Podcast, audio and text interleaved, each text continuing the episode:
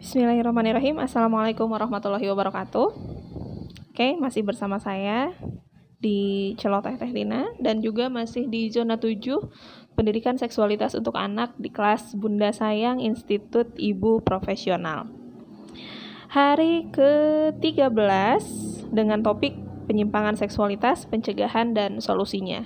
Jika di episode sebelumnya kita membahas tentang sexual abuse. Uh, hari ini atau di episode kali ini bahasan kita adalah tentang penyimpangan seksualitas juga uh, lengkap dengan pencegahan dan solusinya. Sebenarnya penyimpangan seksualitas itu yang seperti apa sih? Yang dikatakan menyimpang itu yang seperti apa? Penyimpangan seksualitas adalah aktivitas seksual yang dilakukan seseorang untuk mendapatkan kenikmatan seksual atau kepuasan seksual dengan tidak sewajarnya. Biasanya, cara yang digunakan oleh orang tersebut adalah menggunakan objek yang tidak wajar atau tidak normal.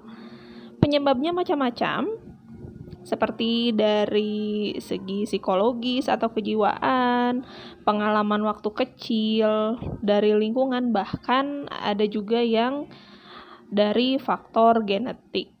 Nah, gimana sih solusinya untuk mengatasi penyimpangan seksualitas ini? Solusi untuk masalah transgender dan homoseksual atau LGBT perlu melibatkan keluarga, ulama, dan juga tenaga ahli. Bisa juga dokter spesialis jiwa atau psikiater. Terapi yang bisa dilakukan mulai dari terapi kognitif, sosial, behavior, konseling secara rutin, dan lain-lain.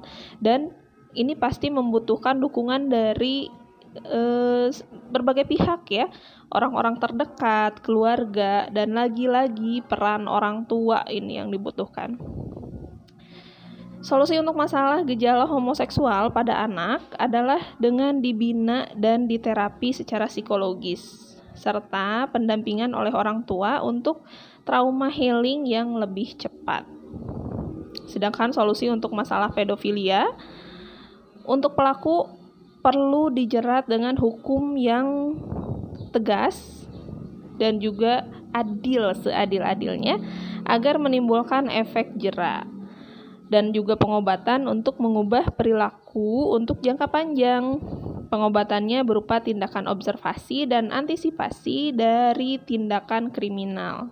Sedangkan solusi untuk korban atau anak-anak yaitu dengan memberikan perlindungan agar kejadian yang sama tidak terulang kembali serta pemeriksaan kesehatan reproduksi anak dan selalu uh, lakukan pencegahan. Beberapa hal yang dapat dilakukan untuk mencegah penyimpangan seksual adalah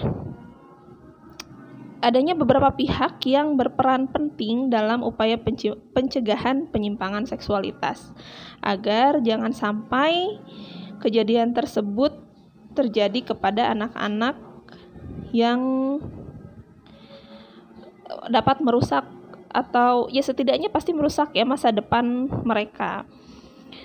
Di antaranya yang berperan penting adalah yang pertama orang tua dari segi akidah, akhlak dan pendidikan seksualitas. Yang kedua adalah pihak sekolah, masyarakat dan juga lembaga terkait. Tentunya itu menjadi tanggung jawab kita bersama ya.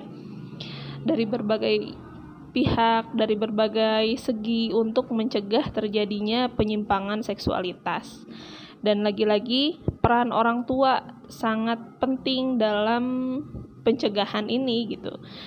Uh, dari mulai ya ini balik lagi kepada pentingnya pendidikan seksualitas yang diterapkan di uh, rumah dalam keluarga dan yang berperan penting adalah orang tua karena rumah atau keluarga merupakan fondasi di mana hal itu merupakan e, salah satu yang dibutuhkan untuk mencetak generasi selanjutnya.